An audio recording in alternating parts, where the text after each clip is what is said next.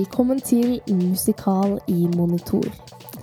Jeg heter Magnhild Konnestad og studerer musikkteater på Institutt for scenekunst ved Høgskolen Kristiania.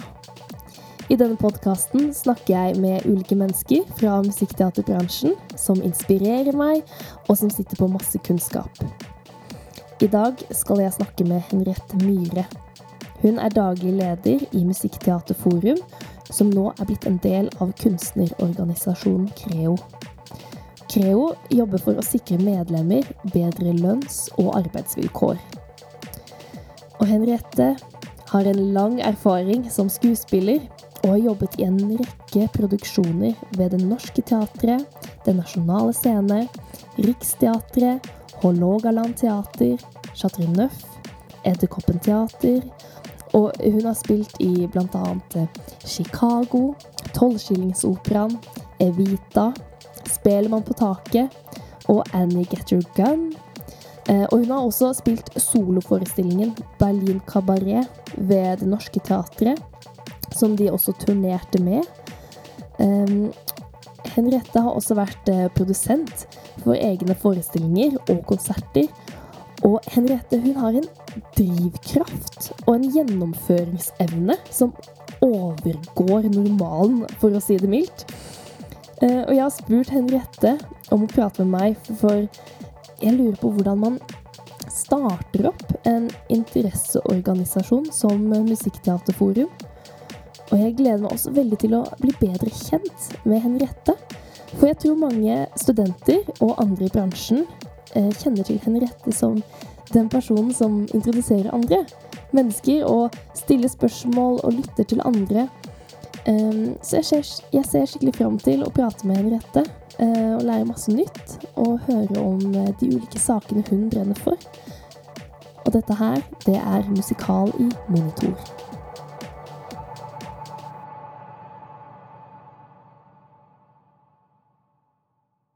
Men da, hei, Henriette Myhre. Hallo.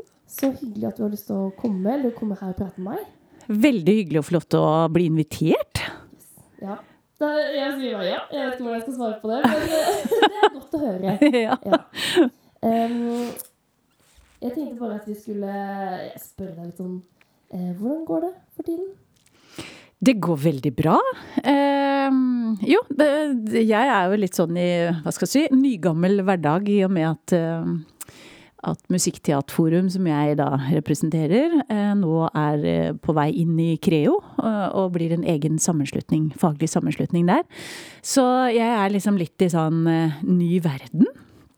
Etter å ha sittet på hjemmekontor i åtte og et halvt år, så er jeg plutselig inne på ja, felles kontor med masse flotte folk og faglig topp Ja, så dette Det er gøy. Ja, ny, litt som å starte på skolen, eller sånn ny skole, eller Nei, jeg vet ikke om jeg vil si det, men det er veldig interessant i den form at man har kommet inn i et kollege som har enormt mye kunnskap som man kan dra veksel på. Og det er meget inspirerende. Rett og slett. Kjempeinspirerende. Å møte nye mennesker og Møte nye mennesker, møte eh, folk med så mye kunnskap som det de har i, i Fagforbundet Creo. Eh, det er en enorm kapasitet på de som eh, jobber for alle medlemmene, rett og slett. Det er eh, Jeg blir kjempeimponert. Og så er det veldig fint miljø på arbeidsplassen, og det er en glede å komme inn i. Og det blir veldig spennende, for jeg har tenkt å, vi skal snakke masse Mhm. senere om uh, Musikkteaterforum og Creo. Mhm. Uh, men aller først, um, Henriette. Um, to uh, raske spørsmål. Eh, hvor kommer du fra? Og eh, hva var yndlingsfaget ditt på skolen? Hvor jeg kommer fra, den er ganske lett. jeg kommer fra et eh, Når jeg vokste opp, et veldig lite sted som het Ramnes. En lita bygd eh, inn i landet for Tønsberg. Man sier at eh, jeg kom fra feil side av E18. Det var sånn jeg vokste opp med.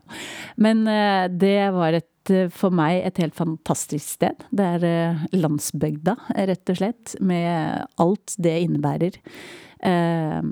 Tett og nært og fint eh, nabolag med masse unger og, og ja. Så jeg vokste opp veldig, veldig trygt og fint. Og så hadde vi et veldig aktivt eh, Min pappa hadde gått i korps siden han var 16, eh, og det bare førte han videre til eh, oss eh, søstrene. Sånn at eh, vi ble sånn korpsjenter. Jeg har, jeg har, tre eller fire søstre, har jeg. Og vi alle sammen ble, ble korpsjenter. Sånn at jeg liksom oppvokst i det. Og så gikk vi på sangen på tirsdag. Skjønner Så liksom, det var mye musikk da, i, i når jeg vokste opp. Og det var kjempefint. Fantastisk miljø. Rett og slett. Og trygt. Mm. Hvilket instrument spilte du i korps? Jeg spilte fløyte og pikkolo. Fløyte og pikkolo. Mm. Hvilken uh, rekkefølge var du i søskenflokken? Jeg er i midten. Den gode dritten i midten. så så uh, ja, det bærer kanskje det Eller når man Nå begynner jeg å bli ganske voksen dame, og akkurat det med å være hvor man er i søskenflokken, det ser man at det har faktisk en betydning uh, på hvem man blir etter hvert. Mm. Eh, ja, hvilke egenskaper man eh, tilegner seg, rett og slett. Tror du det bemerka seg på skolen, i hvilke fag du likte best? Uh, jeg vet ikke helt på skolen, jeg Men, men jeg tror nok at sånn Det er litt sånn virker Skolen er jo mye. Skolen er mange år. I, i min Altså, jeg har alltid vært glad i mus, musikken, liksom. Så det har, har vært ting hele tiden. Og men jeg har også vært glad i det som har med samfunnet å gjøre. Eh, så spesielt på barneskolen så var jeg veldig glad i det som på den tiden het o-fag. Nei, o-fag. Ja, jeg husker ikke hva det står for engang. Men altså, det handla rett og slett om bare om å lære om, om eh, både historie og samfunnsfag og den type ting. Jeg syns det var kjempegøy. Og så ble jeg nok litt mer sånn ungdom. Da hadde vi en helt fantastisk musikklærer når vi kom på, på ungdomsskolen som eh, bare sa åpent hus, på en måte. Og bare Vi fikk lov til å gjøre så mye. Eh, ja, så, og, jeg, og, jeg, hadde vokst opp i et miljø i Det gjorde jeg egentlig helt fra barneskolen også, hvor vi, vi fikk lov til å være kreative. Eh, på barneskolen så husker jeg vi hadde lyst til å lage dansekvelder. Da fikk vi lov til å låne gymsalen. Altså, det var aldri noe problem. Vi ville lage moteshow. Ja, men det er helt greit. Og da, vi, da fikk vi låne. Så, og de ga oss fri fra timer for at vi kunne få lov å være kreative. Og det er noe som eh, som jeg kjente på i dag, da. At det er faktisk ikke alle som har vært så heldige. Eh, liksom, og fått det. Og så har jeg også vært så heldig at jeg vokste opp med eh, jeg har venner i dag som jeg fikk fra første klasse, og faktisk i barnehagen. Jeg, så jeg har på en måte hatt en veldig sånn kontinuitet, da.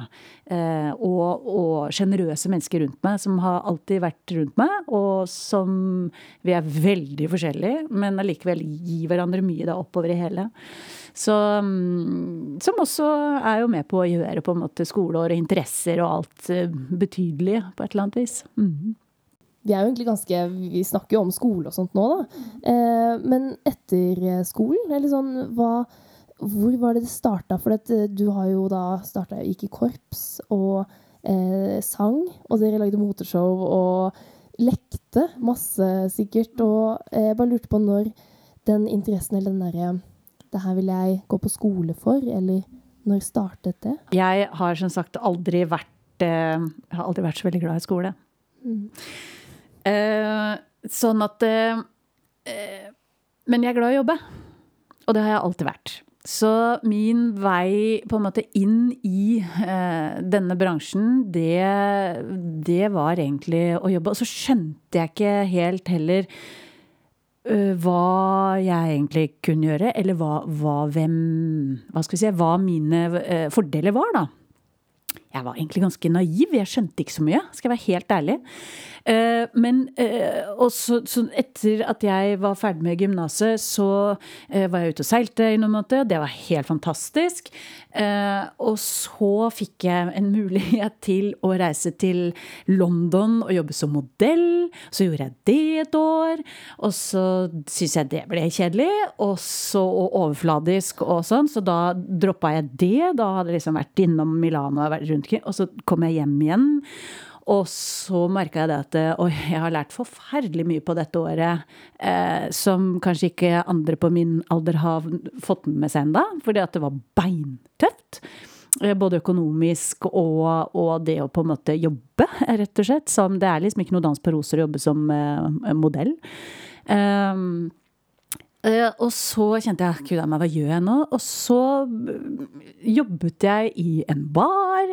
Uh, og faren min ble mer og mer fortvila, egentlig. For han tenkte herregud, hva skal det bli av henne? Og han hadde på en måte Han var jo musiker på et vis, da, ikke sant? Og så på en måte hva jeg hadde i meg, da, som han liksom Kan du ikke enten begynne med noe ordentlig, eller begynne på Musikkhøgskolen, liksom? Eh, men jeg hadde ikke noe lyst til å begynne på Musikkhøgskolen. Eh, sånn at eh, jeg begynte å jobbe i barnehage isteden. Og så jobba jeg der i et år eller noe sånt, og så kjente jeg Så flytta jeg inn i kollektiv med eh, en, to dansere. Og så kjente jeg at oi, nå er det et eller annet som skjer her. Og så lang historie kort, så for at jeg skulle Da hadde jeg blitt vant til å tjene penger. Så for at jeg skulle klare å liksom leve uten å tjene penger, så meldte jeg meg opp for å ta opp fag på Bjørknes. Og mens jeg da gikk og tok opp fag, eh, så begynte jeg å ta sangtimer. Mm. Med eh, Per Anstein Solberg, heter han, eh, Patan, som hadde tilhold på Norske Teatret. Og når jeg da begynte hos han, så eh, sier han men hva liker du å synge? Jeg bare, har ikke peiling, sier jeg. Mm. Og jeg hadde, hadde, på en måte alltid sunget. Jeg var revysjef på gymnaset og sant, sang under revyen og hadde, gjorde og jobba for Lars Martin Myhre. Var alltid kapellmester på Tønsberg gymnas sine revyer. Så han kasta meg inn videre i andre ting. Sånn at jeg hadde jo liksom alltid holdt på. Mm. Men det var et eller annet med å finne et ordentlig ståsted da, og føle at man ble trygg. Um, og så sier, sier da pappaen uh, til meg ja, men da synger vi litt. Og så sier han etter hvert som han prøvde meg ut liksom Nei, men du er jo en sopran. Men hæ? Ja, og da var jeg over 20, og jeg hadde aldri skjønt at jeg hadde en sopranstemme. Jeg har bare sunget brystklang. Og så jobba jeg rett og slett med han i et år. Og jeg hadde så dårlig råd at til og med så gjorde jeg bytteavtale med han. Sånn at jeg vaska hjemme hos han for at jeg fikk sangtimer. Ja. Sånn kan man også gjøre det. Jeg hadde forferdelig dårlig råd. Eh, men ikke sant? det er bare, jeg skjønte at det er dette, som, det er dette du vil. Eh, men jeg, ikke noe, jeg var ikke innstilt på skolegang, så at jeg måtte gjøre det på en annen måte. Og det var sånn det begynte for meg. Og så kom, søkte jeg første året når Bårdar starta, så søkte jeg på Bårdar da. Men så endte, og så kom jeg inn, men jeg endte med å takke nei til plassen og heller jobbe. Eh, jeg, liksom, jeg kjente at nei, du må gjøre det på din måter. Mm.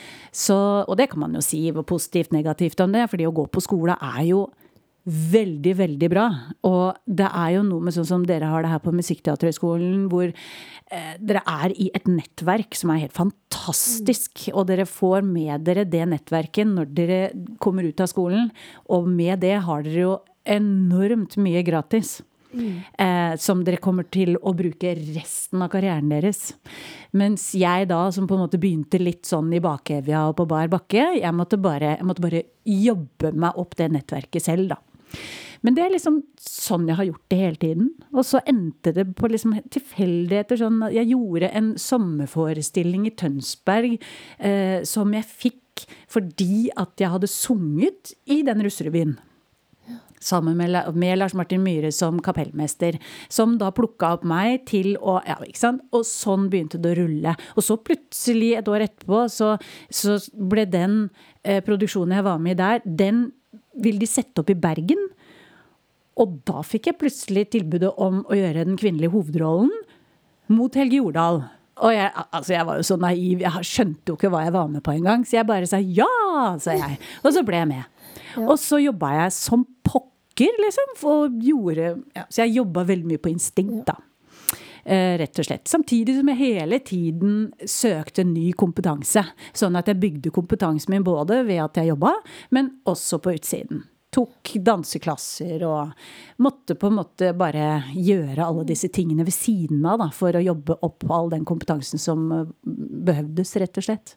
Superstrukturert av at du måtte åtte? Ja, og det har, jeg, det har jeg på en måte alltid vært. Jeg har, jeg har alltid vært veldig sånn Du står opp klokka åtte, da, og så begynner du å jobbe klokka ni. Og da har, du, da har, jeg laget Og det kan være at jeg gikk på trening klokka ni og trente til elleve, og så dro jeg hjem og spiste lunsj og, og, og begynte å, å øve. Og så begynte jeg på repertoarbygging.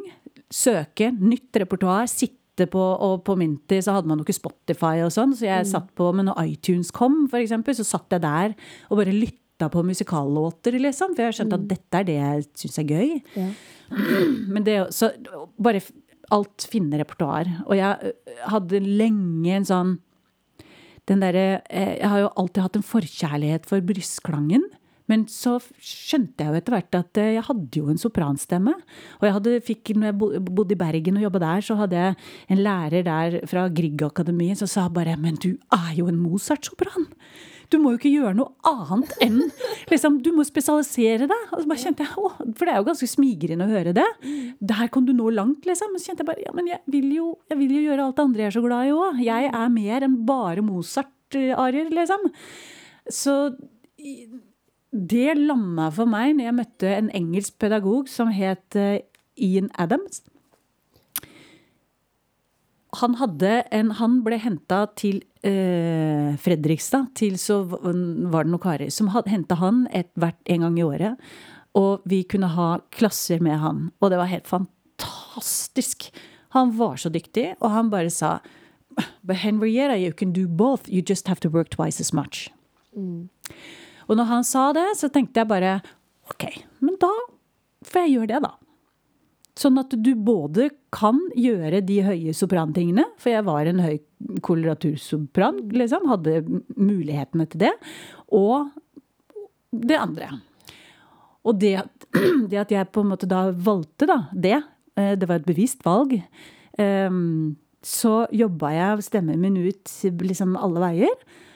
Og så har jeg faktisk Det var det jeg har overlevd på. For jeg har vært, jeg har vært en potet kan putte, som kan puttes inn på veldig mange forskjellige steder, rett og slett. Ja. Tror du at uh, liksom, uh, musikk, uh, musikalartisten er litt som en potet? eller sånn, Er det derfor du tror du likte det? da? Fordi at du liker så godt den sjangeren musikal, teater, musikkteater? Ja. For det, på, som musikkteater, eller som musikalartist, mm. så må man jo kunne både synge lyst Eller man skal jo helst kunne veldig mye. Mm. Både dans, mange, alle sjangerne, mm. og musikk, alle sjangerne. Og vite Ja. Jeg tror ikke at det, det, er, det er jo innmari viktig også um, etter hvert, da, når man er ung og man studerer, så skal man jo bare på en måte boble og leite. Mm. Ikke sant? Og så etter hvert så skjønner man jo hvor Eh, hvor er talentet ditt størst, da, for å si det sånn. Og både liksom innenfor skuespillerdelen, innenfor sangdelen og innenfor mm. dansdelen. Og så kan man spisse seg mer og mer. Men det er klart, når man jobber, og man får jobb i et ensemble, så, eh, så må du også være beve... Altså du må på en måte eh, være formelig, da, i forhold til den jobben du nå går inn i. Mm. For at du vil få forskjellige typer oppgaver. Men sånn som jeg alltid tenkte, eh, liksom at ø, hos meg så var det sangen som på en måte var min første styrke, og det var sånn jeg liksom kom meg inn i bransjen. Mm. Eh, men så tenkte jeg jeg må sørge for Altså, jeg har alltid vært eh, Jeg har aldri vært noen danser. Veldig mange som har trodd at jeg har vært danser. Seinest nå når jeg begynte på Creo. Jeg kom inn døra første gang, og de satt og spiste lunsj, og da så sier ene nestleder å, der kommer det en danser inn døra. Jeg bare Nei, ikke helt akkurat. Men jeg er innmari god til å late som. Sånn at, eh, men det er noe med å finne sine styrker, eller være klar over sine styrker og sine svakheter, og så jobbe deretter, da. Og jobbe mm. ut ifra det. Eh, og så er det utrolig mye man kan lære seg hvis man bare gidder å jobbe nok. Ja. Og du har jo jobba, eller bare så sykt, fordi eh, Hvordan jeg, jeg, eh, er så fascinert av at du var med eh, eller, for det, det, stemmer jo at du var jo med helt fra starten av med Musikkteaterforum. Musikkteaterforum kom på en måte i gang Jeg øh, jobba sammen med Linda Stol Stringsve. Ja. Som øh, Hun er jo nå øh, ansatt her i skolen, mm. i, i instituttet. Uh, og vi, vi, jobbet som utøvere begge to. og vi har en litt sånn morsom Jeg må få fortelle det. Ja, for at, fortell.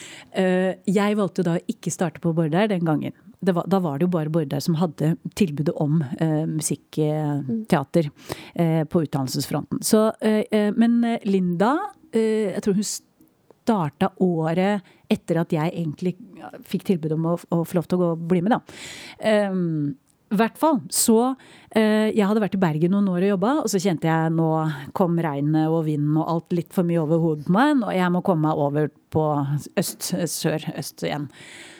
Så hadde Riksteatret en utløsning, utlysning, en audition til um, um, Annigator Gun.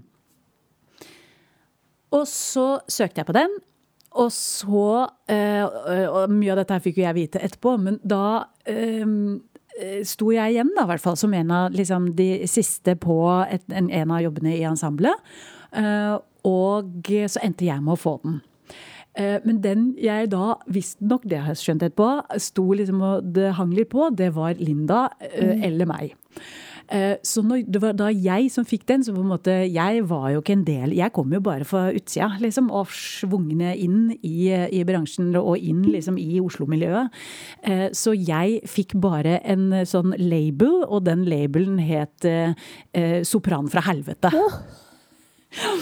Så det var liksom Det var min, det var min Og det, dette her, vi har ledd så mye av det, for jeg ante jo ingenting om det her. Og jeg er jo litt blåøyd og naiv, så jeg kom inn jeg, og bare Yeah, jeg har jobb, hey, så kult! Og så var liksom den derre bransjen, eller miljøet, da. Musikalmiljøet, liksom. Var bare sånn Æ, du er sopran fra helvete som kommer og tar fra oss jobben. Men, eh, men etter hvert så møttes jo jeg og Linda helt tilfeldig, for vi har noen felles kjente som vi, Jeg skulle ned til Grimstad og se på en forestilling, det var Jesus Christ i, eh, i, bruddet, i steinbruddet i Grimstad. Fjæreheia. Fjæreheia. Eh, og vi har en Tore Myklebust som i dag er produsent på på Chateau eh, som eh, ringer meg og sier du, jeg har en venninne som, eh, som skal ned og se, men kan hun ta toget fra Oslo og sitte på med deg fra Tønsberg? For da bodde jeg i Tønsberg en periode. Og jeg bare ja, ja, det går helt fint. Og så, ja. Så plukka jeg da opp, og det var Linda. Så jeg plukket opp Linda på toget, og fra den dagen så har vi slarva. Ja. Da har vi Ja. Så dette var lang historie. Men ut fra dette så, så på en måte så gjorde vi Så har vi jo Nå må jeg tenke, har jeg jobba sammen med Linda på Ja, det har jeg jobba sammen med Linda på. Eh, Vi jobbet sammen på Evita for mange, mange, mange, mange år siden på Chateauneuf. Det òg. Men vi snakket eh, veldig mye om at det er ikke Det er på en måte ingen instans som ivaretar musikkteaterutøverne. Vi faller litt mellom alle stoler. Og eh, Linda og jeg, vi, vi var eh, engasjerte, og så hadde vi møter. Vi, vi spurte om både representant da fra Skuespillforbundet og NODA og, og um, Musikernes Fellesorganisasjon, som de het da. Om ikke eh, kan vi få lov å ha et møte med dere? Og det hadde vi. Og sånn er det mulig å lage en undergruppe? Og, men på den tiden så var ikke forbundene klar for det. Eh, og så, ja, og så gikk det litt tid, og så i 2011 så fikk eh, Så startet Linda og hadde en liten stilling på Musikkteaterhøgskolen. Og da fikk Linda muligheten der til og litt sånn eh, fødselshjelp, rett og slett, via da høyskolen, som eh, hjalp henne til å sette Musikkteaterforum i gang, og starte. Oh. Så det var begynnelsen til Musikkteaterforum. Jeg fikk da eh, tilslag på adopsjon eh, når dette her skjedde. Så jeg sa til Linda jeg kan ikke. Nå må jeg på en måte gå inn i barnebobla. ja. Eh, og, og, men, men jeg Det kan godt være mulig at jeg har lyst til å huke meg på liksom, når jeg kommer ut av den igjen. Eh, så eh, vi Linda starta. Eh, og begynte å bygge. Eh, og i 2013, våren 2013, så sa jeg at eh, hvis du har lyst, så kan jeg nå hoppe inn. Men jeg kan ikke jobbe fullt, jeg kan, jobbe, jeg kan være med 50% Og dette var frivillig arbeid. Dette, så dette er på en måte arbeid, ikke lønna arbeid, som man, man gjorde ved siden av andre ting. Um, og da hadde jo Linda jobba uh, allerede i halvannet, uh, nesten to år, uh, som med Musikkteaterforum, gratis. Mm. Sånn at, Og på en måte lagt et grunnlag for innhold og, og medlemsbygd, og begynt å bygge den medlemsbasen, rett og slett. da. Og så om må jeg tenke meg om, i 2014, begynnelsen av 2015, da eh, sa eh, Linda eh, takk for seg. Linda hadde fått større stilling på Musikkteaterhøgskolen, og ja, det var mm. mange ting. Eh, sånn at Og det er klart at eh, det er jo når man jobber eh, frivillig og ikke lønna, så det har også noen konsekvenser, ikke sant. Det er litt å si. Sånn at da tok jeg over. Og så har jeg sittet da fra 2015 eh, alene, på en måte. Eller jeg har hatt selvfølgelig med et styre. Vi har alltid mm. hatt et styre. Det er et lag, forening og en medlemsorganisasjon. Eh, men eh, vi tok liksom tidlig et valg på i Musikkteaterforum at vi skal bygge dette opp. Og pengene som medlemmene betaler inn, det skal uavkorta gå til tilbud tilbake. Ja, prosjekter og sånn som det setter i gang, da. Ja kompetansehevende ja. tilbud. Så det var liksom det første. Det var på en måte Det var starten, da. Ja. Mm. Og da er det, eh, når du sier at du ledet an, det er daglig leder mm. som er stillingen. Mm. Um, men når var det at um, det blei sånn at man fikk etablert sånn fast stilling? Eller er det frivillig arbeid? eller er det Musikkteaterforum har vært frivillig og ulønna arbeid hele veien. Hele veien? Ja. Så um, um, og egentlig så er jo, som jeg sier sånn til at eh, egentlig så kan man jo ikke bygge en organisasjon på den måten. Eh, men, men eh, jeg har hatt muligheten til å gjøre det. Også fordi at jeg har en innmari snill mann som på en måte har sagt at ok, vi kan gjøre det. Jeg ser at det er viktig for deg, og vi kan, vi kan klare det økonomisk. Så det er jo litt sånn Min mann har eh, på veldig mange vis sponsa Musikkteaterforum i uh, alle år. Ja. Han har holdt brød og melk og hus og heim og alt det der, sånn at jeg kan kunne gjøre det. Så, uh, og det er meget verdifullt, og det har vært verdifullt altså sånn i, for veldig, veldig mange, da, at det har vært mulig å gjøre. Eh, men samtidig så, så, har man jo Fordi For at jeg syns det er så gøy å bygge, eh, så har man jo bygd det. Og bygd det og bygd det. Og medlemsmassen har økt for hvert eneste år. Og vi har på en måte bygd ut tilbudene. Og, det er jo noe som henger sammen også. Tilbud og etterspørsel henger sammen. Mm.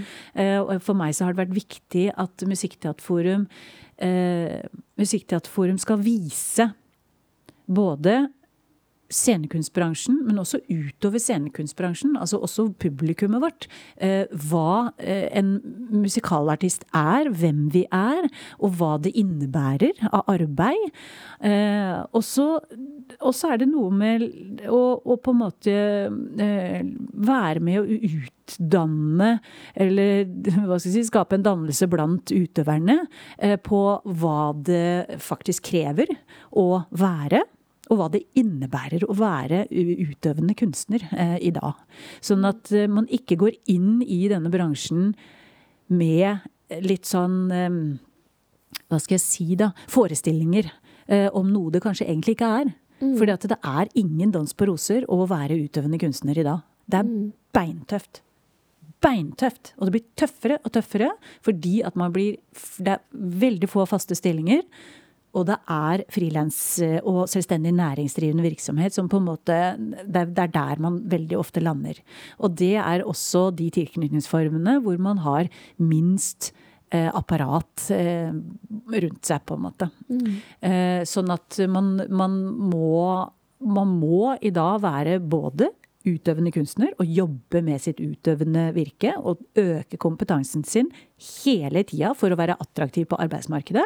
Og samtidig så må du være businessmann og businessdame og forstå hva og hvordan du skal drive firmaet ditt. Om det er et enkeltmannsforetak, eller om det er et AS, eller om du på en måte har muligheten til å bli ansatt videre.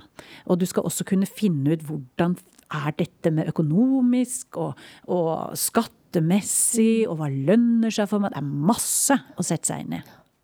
Og det er også veldig spennende, fordi eh, også litt av grunnen til at jeg spurte deg eh, om å komme hit. Fordi Mm. eh, vi har jo noe som heter entreprenørskap på Ja. skolen. Som jeg er kjempeglad for at vi har. Eh, og vi skal jo lage festival i november. Mm. Musikaliteten. Mm. Eh, det er bare å sjekke det ut. um, og når jeg leste om deg, eh, om hva du har gjort og sånt, så så jeg at du har produsert masse selv. Mm. Eller at du har vært din egen produsent, da. Mm. Um, og jeg bare synes det er utrolig kult, og spesielt hvis du ikke har hatt entreprenørskap før. Men at du Mm. har bare funnet ut selv, eller hvordan gikk du fram? Eh, Jeg vet ikke helt hvorfor eh, jeg Jeg tror bare jeg laga litt sånn, jeg. Eh, Men jeg har helt fra jeg starta som utøvende, så har jeg egentlig alltid produsert selv. Jeg har selvfølgelig søkt jobber på teaterne og på ikke sant? Den, og frigrupper eller whatever, alt det der. Men jeg har alltid hatt egne prosjekter gående samtidig, som jeg har jobba med. Sånn at eh, i perioder hvor jeg da eh, ikke har hatt noe fast da, arbeid, så har jeg kunnet gå tilbake til det prosjektet, og så fortsette på det. Sånn at det, det har aldri vært stillstand, da. Og, så, og om det prosjektet er at eh, jeg har sagt at nei, i november og desember eh, nå så skal jeg ha julekonserter. Eh, og, så, og da må du bruke hodet. Ja, ja, hva slags julekonserter da? Hva skal det være? Skal du, og da er det jo innmari Når du jobber sånn, så er du jo veldig heldig hvis du kommer fra ei lita bygd et eller annet sted. Ja. At ikke du er fra storbyen. Fordi at da kan du ringe den lokale kirken din, og så kan du høre Du, jeg har veldig lyst. Ha, kan jeg få lov? Og så kan du knytte til deg det lokale koret ditt. Eller ditt eller ko- koret i bygda. ikke sant? Har dere lyst til å være med meg og gjøre en konsert? Og da har du allerede kjempemye publikum. For et kor det genererer foreldre og besteforeldre og søsken og ikke sant. Så det er liksom noe med å bare prøve å se mulighetene, da. Og det har jeg liksom Jeg begynte der, på liksom det lokale planet, og samtidig da så bygger du opp et publikum. Sånn at, eh, og så, eh, liksom, jo mer profesjonell jeg på en måte ble, jo mer sikker på meg selv jeg ble, og sånn, så, så tør du å ta tak i kanskje mennesker som har mer betydning eh, i, og litt navn i bransjen, som du på en måte bare må ta motet til deg og spørre du, kan jeg få lov til å Jeg har en tanke og en idé. Har du lyst til å være med meg på det? Er det interessant? Jeg, sånn som jeg fikk en jobb på um, en forestilling på Norske Teatret som mus, het musical, Musikal, hvor det bare sånn kavalkade, rett og slett, av musikaler som var gjort der. Um, men det ga meg også muligheten til å møte masse flotte mennesker. Som jeg uh, bare sånn uh, Jeg jobba da eh, annet med Per Christian Revholt eh, for andre gang, for jeg jobba med han også første gangen jeg fikk min første turné med Riksteatret med Anne Getto Gunn. Og da var jeg blitt så trygg på meg selv, at, og så hadde jeg en idé som jeg først lufta med teatersjefen. Kunne det vært en idé? Nei, sier han, det er det ikke. Og så sier jeg til Per Kristian, kunne du tenke deg å være med meg og gjøre en forestilling på det? Og han bare, ja, det har jeg faktisk lyst til, for dette syns jeg er dritgøy. Ja. Eh, Jeg har lyst til å jobbe med deg. Og så ble det vi to. Og så, siden teatersjefen sa nei, så gikk jeg noen etasjer ned til plansjefen på teatret, og så spurte jeg du, er det noen åpninger på eh, minste scenen din, liksom? Sa het sal tre dagen, da heter prøvesalen. Og så sier han ja, jeg har en åpning der, der har jeg fem dager. Og så har jeg kanskje to der. Så jeg, kan jeg leie meg inn? Ja, det kan du. Sånn at det, så liksom det der å tenke da, ut av boksen for å få til egne prosjekter, og ikke være redd for å spørre. ja. Og spørre om hjelp. Spørre om hjelp, og spørre om muligheter. Og det er liksom det eneste du kan få, er et nei. Og det betyr jo ikke at de ikke liker deg for det. Eh, Det betyr bare at det kanskje det ikke var riktig for den personen, eller nei, de har ikke tid akkurat da, men kanskje neste år kan være interessant. Så det er liksom noe med å ja, Sånn har jeg på en måte jobbet hele tiden, da. Og med at jeg har jobba sånn, så har jeg måttet lære meg å skrive budsjett. Jeg har måttet lære meg å ja, sant, Alle disse tingene. Lys og lyd, og, og knytte til meg rette mennesker, ta telefoner, snakke høyt. Altså alle disse tingene. Så øh, Og organisere. Det er noe med liksom Excel-ark er veldig bra, altså. Og lister Ja. Lister er min gode venn. Så, Ja. og, og kostymer, det er, det er mye jobb. Liksom. Eh, men allikevel, så når du står der, så er det jo veldig, veldig gøy. Og så gøy å få til noe selv. Veldig tilfredsstillende å få til noe selv. Og jeg ser jo alt liksom det at jeg på en måte gadd da, å ta den eh, oppgaven eh, sånn overfor meg sjøl, når jeg eh, samtidig så, og mellom disse slaga hvor jeg hadde betalt arbeid andre steder og var ansatt eller jobbet andre steder, så, så fikk jeg med meg en del skills, rett og slett, som, altså, som var bare sånn Når jeg begynte med det var bare å overføre. Eh, da jobbet jeg på andre siden. Men jeg jo, hadde jo vært i bransjen i så mange år at jeg hadde en del, liksom, visste om en del av behovene som kanskje var der. Og så var det bare å sette i gang, egentlig.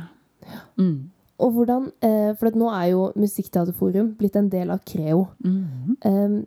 Hvordan jobbet du fram den, liksom den endringen, eller hvordan hvordan startet den prosessen med å bli en del av Creo? Hvem var det som Nei, altså det, det er jo noe med det at Musikkteaterforum har vokst. Eh, vi har vokst på, i, egentlig både medlemsmasse og i omfang på arrangementer. Og alt fra å ha liksom faste mandagstreff som er debatt- og samtalearena, og, eh, og med åpen mikk og så har du alle kurs og workshops, både kunstfaglige og entreprenørielle eh, kurs og mm. workshops.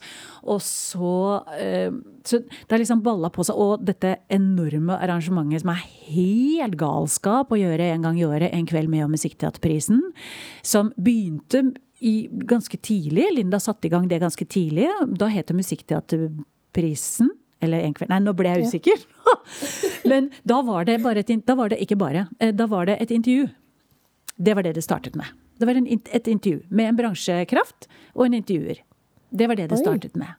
Og så etter hvert så, så starta man en egen pris, fordi at Hedda-prisen, som på en måte er den store teaterprisen i Norge, de ville ikke eh, ha De var ikke interessert i å opprette en musikkteaterpris. Det skjedde i fjor for første gang. Og det er en milepæl, for det har vi jobbet for i mange år. Så det er kjempebra at Hedda nå gir ut en musikkteaterpris. Eh, men eh, samtidig så er det noe med da, at eh, dette arrangementet har vokst til å bli på en måte Det er både en erfaringsføring erfaringsoverføring i arrangementet med at dette intervjuet med en bransjekraft eh, hentes opp. Og den bransjekraften kan være en musikalartist, eller det kan være en, en komponist, musiker, en produsent. Det har vært flere forskjellige eh, eh inne, liksom, som har fått halvannen time eh, intervju. Og hvor vi da gjør overraskelser. Vi snakker om karrieren til dette mennesket, som kan få lov i, i halvannen time å sitte og fortelle. Og de som sitter i salen, bare lærer. og få mm. innblikk i hva er det faktisk uh, dette mennesket har utretta, og hva Ja, det er rett og slett erfaringsoverføring. Og så kan vi få lov til å gi, klappe hverandre på skuldra og, og, og, og i neste eh, akt, på en måte, da, som mm. er Musikkteaterprisen. Og samtidig så er den kvelden, det er en kveld som feltet samles. Og vi har lov ja. til å på en måte være stolte av oss sjøl. Og eh, politikerne er der, eh, kulturfeltet er der, organisasjonene er der. Vi inviterer en masse. Sånn at eh, det er en arena som man synliggjør, og også publikum er der. Fordi det er åpent for alle. Alle kan kjøpe billett til dette arrangementet. Så det er blitt en kjempefin kveld. Jeg syns det er så gøy, og jeg er så glad for at vi har liksom fått til det arrangementet. For det synliggjør musikkteaterfeltet i Norge. Um, sånn at det, eh, nå prater jeg og prater, men du snakket om liksom det der med Creo, det, eh, hvordan vi kom inn der. Og det har litt med det å gjøre. Men jeg bare lurer på, ja. eh, når, er det, når er denne kvelden? Kom, kom, er det neste gang? Du, April-mai neste år. Dato, fast dato er ikke satt ennå. Men det annonseres ut når, når ja. dette settes. Eh, og det er klart, eh, det er, det er, mange ting som skal gjøres før denne kvelden. Jo, vi har en jury som sitter hele året eh, og ser forestillinger eh, rundt omkring i hele landet. Eh, så det er, det er liksom alle disse tingene vi Eh, Musikkteaterforum har gjort eh, gjennom veldig mange år, det krever ressurser. Og det er, det er, litt sånne usynlige ressurser som går med til det. Eh, og siden vi er én ansatt, i anførselstegn, da, i organisasjonen, så er det på en måte den ressursen, og det har jo vært meg nå de siste åtte og et halvt åra, som eh, programmerer og gjennomfører. Og er på gjennomføringene og står for ikke sant? Så det er noe med det at ja, etter hvert så eh, kjente jeg på at nå, nå, begynner vi å bli så store at nummer én, jeg ser et behov for å sikre medlemmene våre ytterligere.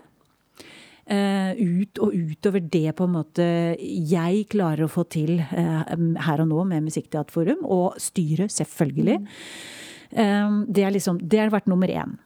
Uh, og samtidig så er det jo noe med at etter så mange år på å prøve å være kreativ på å finne ut hva alle utøverne um, ønsker og har behov for, så er det fint å ha et kollegium å diskutere med. Så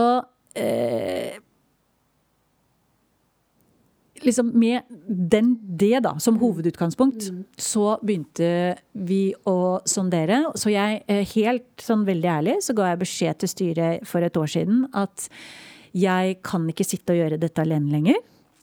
Eh, jeg må også begynne å sanke pensjonspoeng. Mm. Eh, det er liksom én ting også i det. Jeg kan ikke jobbe gratis på denne måten lenger.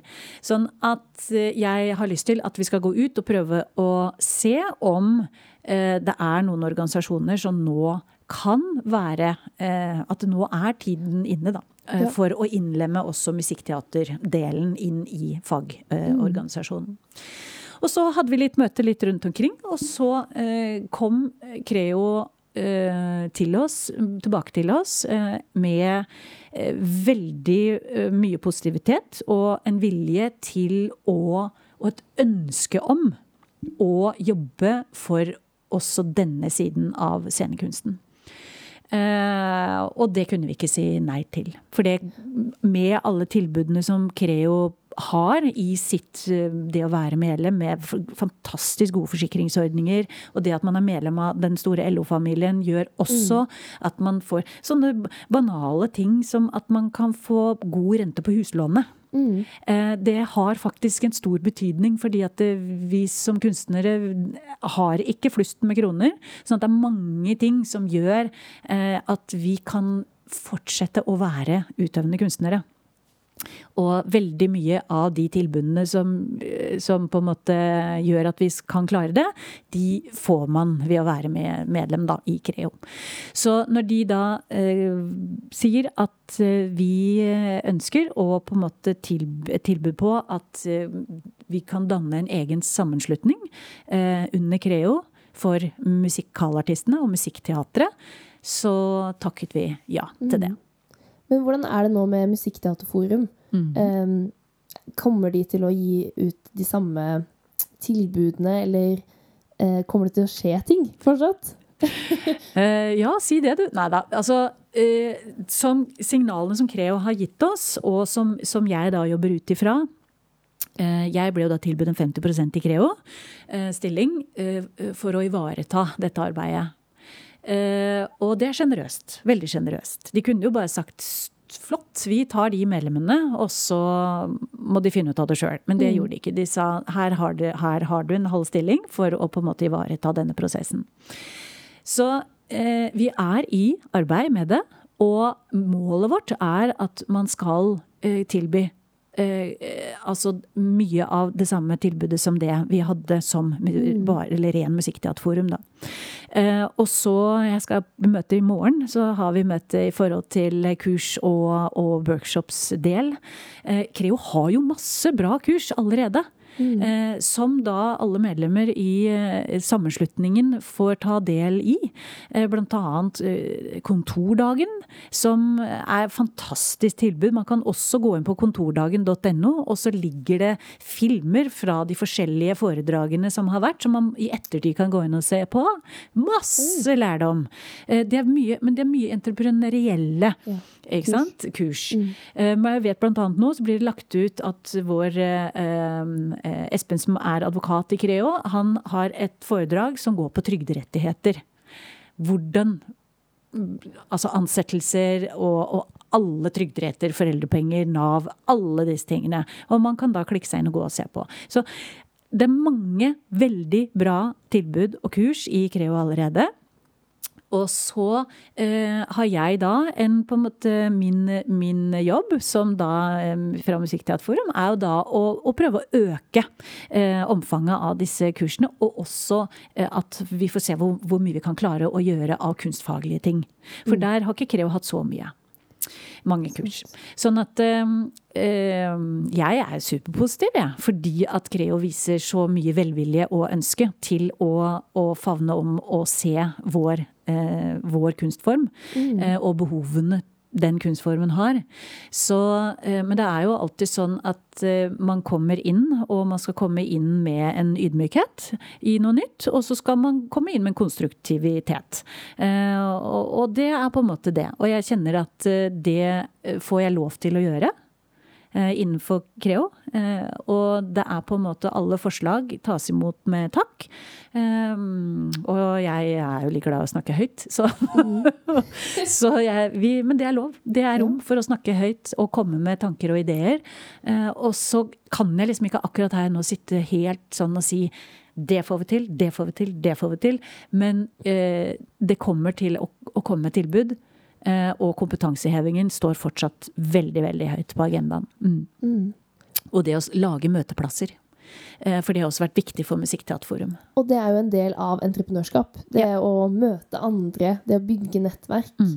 Det er jo kjempeviktig. Ja. Men kommer det til å fortsatt være en side som heter Musikkteaterforum, eller må man da inn nå på Creo for å se og finne kurs og Enn så lenge så eh, beholder vi nettsiden.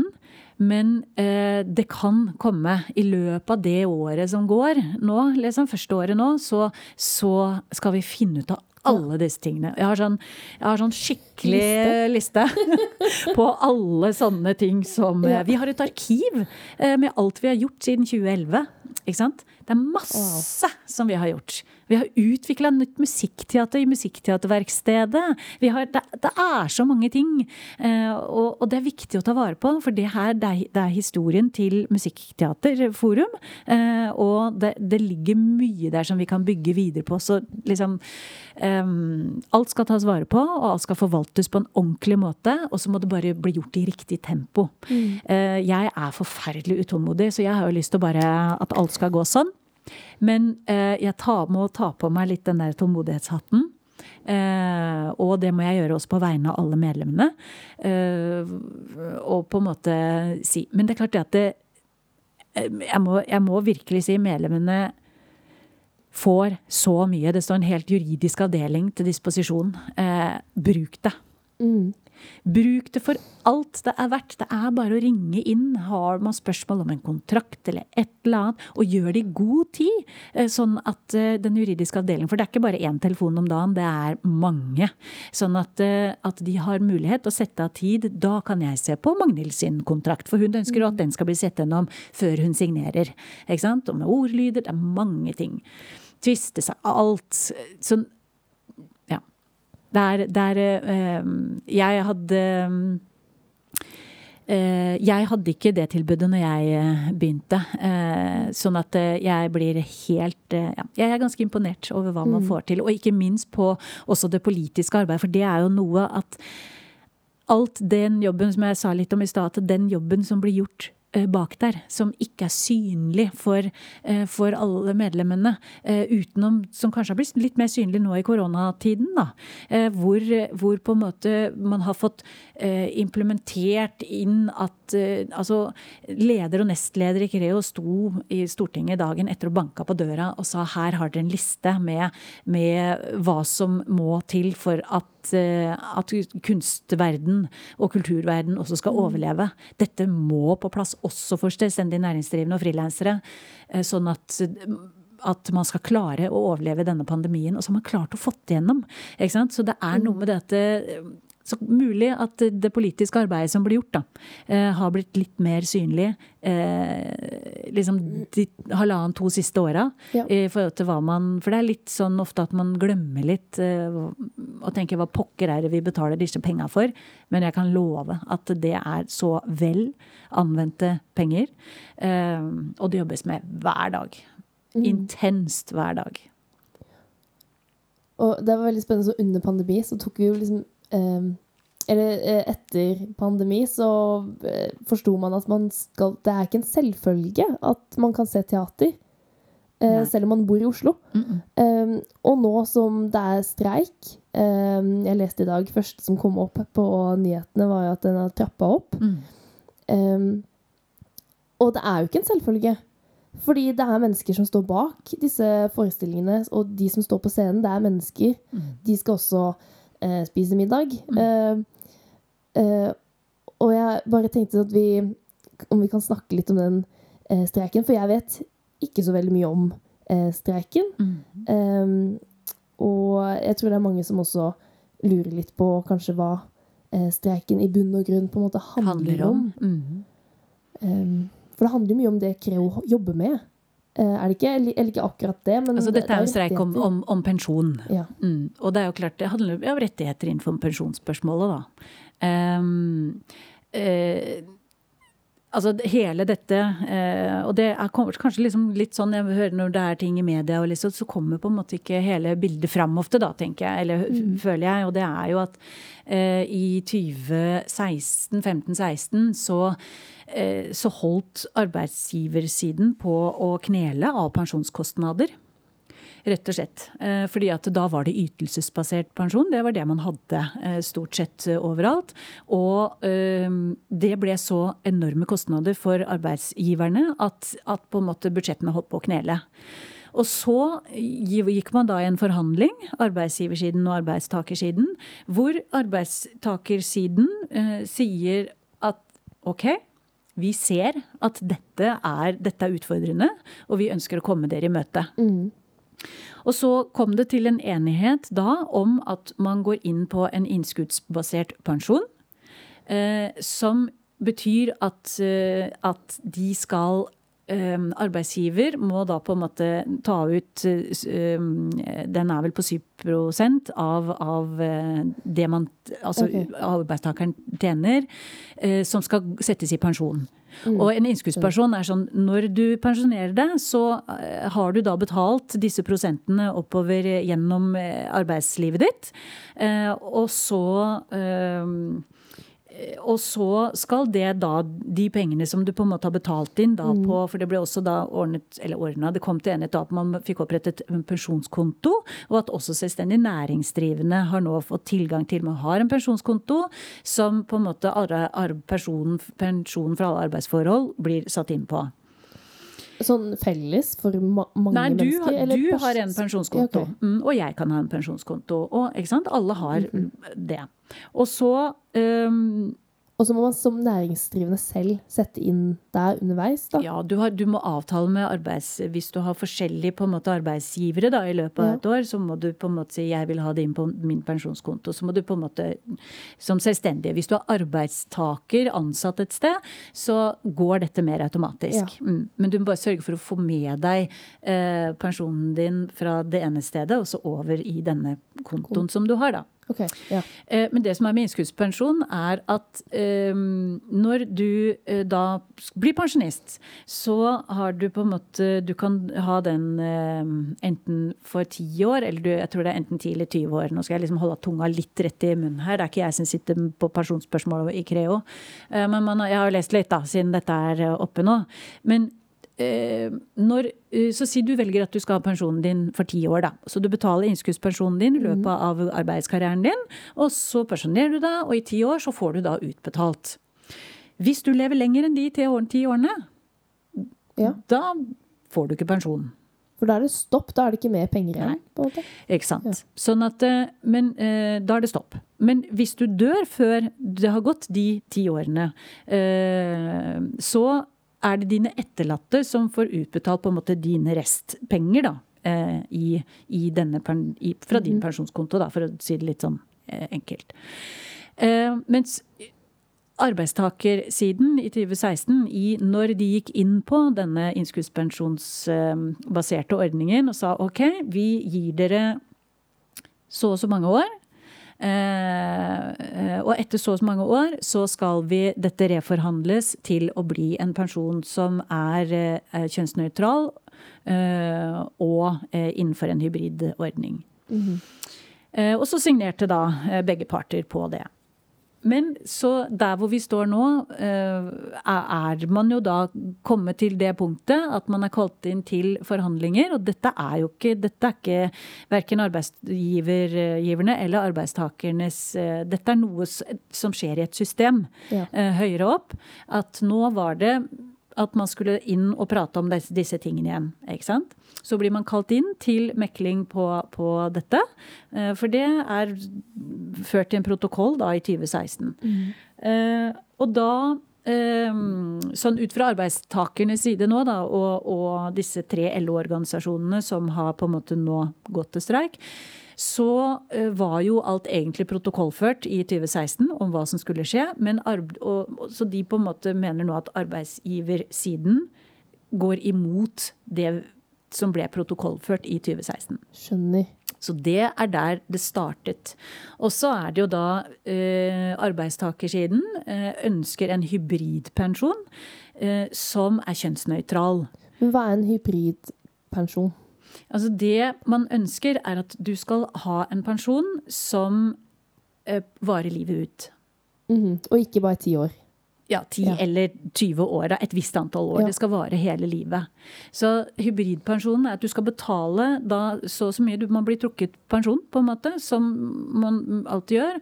Og så, men i stedet for at når du dør, at dine mm. etterlatte mm. da uh, på en måte får utbetalt din pott, for å mm. si det sånn, så går den tilbake til systemet. Mm.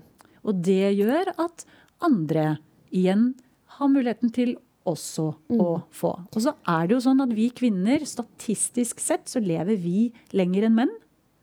Uh, det er sånn.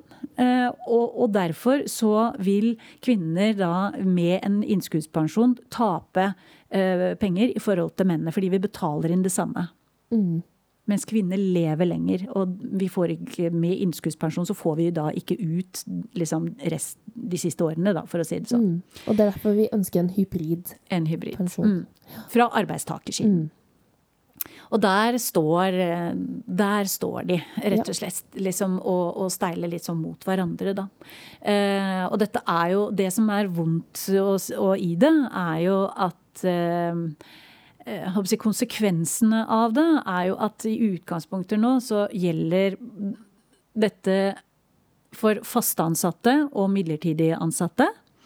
Eh, Frilansere på kontrakt, på en måte. Eh, og ansatt kontrakt. Eh, og så eh, vil eh, frilansere vil jo nytte godt av det, spesielt kvinnene, med, liksom, hvis det blir en hybrid. Men det er klart de selvstendig næringsdrivende, de er ikke helt innlemma. For er, velger du å ha en tilknytningsform som heter selvstendig næringsdrivende, da har du selv ansvar for å spare pensjonen din, betale sykepengene dine, eh, forsikre deg ikke sant, på alle mulige mm. måter. Da er du din egen arbeidsgiver fullt og helt, og du må også følge opp alle disse eh, punktene. Mm. Det man Det liksom man, man eh, Jo, så det jeg skulle si da i forhold til det som er vondt nå, er jo at pga. nå at streiken er, så ser man jo at den rammer alle. Den rammer ikke bare de som er fast eller midlertidig ansatt, men den rammer jo alle. Og det er klart det er vondt å se. Så frilans, selvstendig næringsdrivende, de, når en forestilling da ikke blir satt opp, så er det også veldig mange av de som ikke, eh, ikke får utføre arbeidet sitt. Og mulig altså da miste løn, altså lønningen sin, ikke sant. Eller honoraret sitt. Fordi at de, Er du gått inn på en selvstendig næringsdrivende kontrakt, så har du et dårligere rettsvern enn hvis du er ansatt. Mm. Er du ansatt, så har du, krav, har du en del krav som de må oppfylle, kontra hvis du er selvstendig næringsdrivende. Og så er det klart at man får ikke vist seg. Kanskje du har venta i et halvt år på å gjøre denne forestillingen, og du, det å ha den på CV-en med å jobbe med den regissøren eller koreografen eller scenografen eller whatever, mm. er bra, og så har man ikke det. Så det er klart det, det er mange vonde konsekvenser av denne streiken, og man ønsker jo at den ikke skal eksistere lenger. Mm. Men samtidig så er det jo noe med at um, det liksom siste middelet man har uh, i en fagorganisasjon, det for å på en måte få eh, gehør, det er streik. Mm. Det er utrolig Ingen ønsker streik. Ingen ønsker streik. Men noen ganger så må man gjøre det.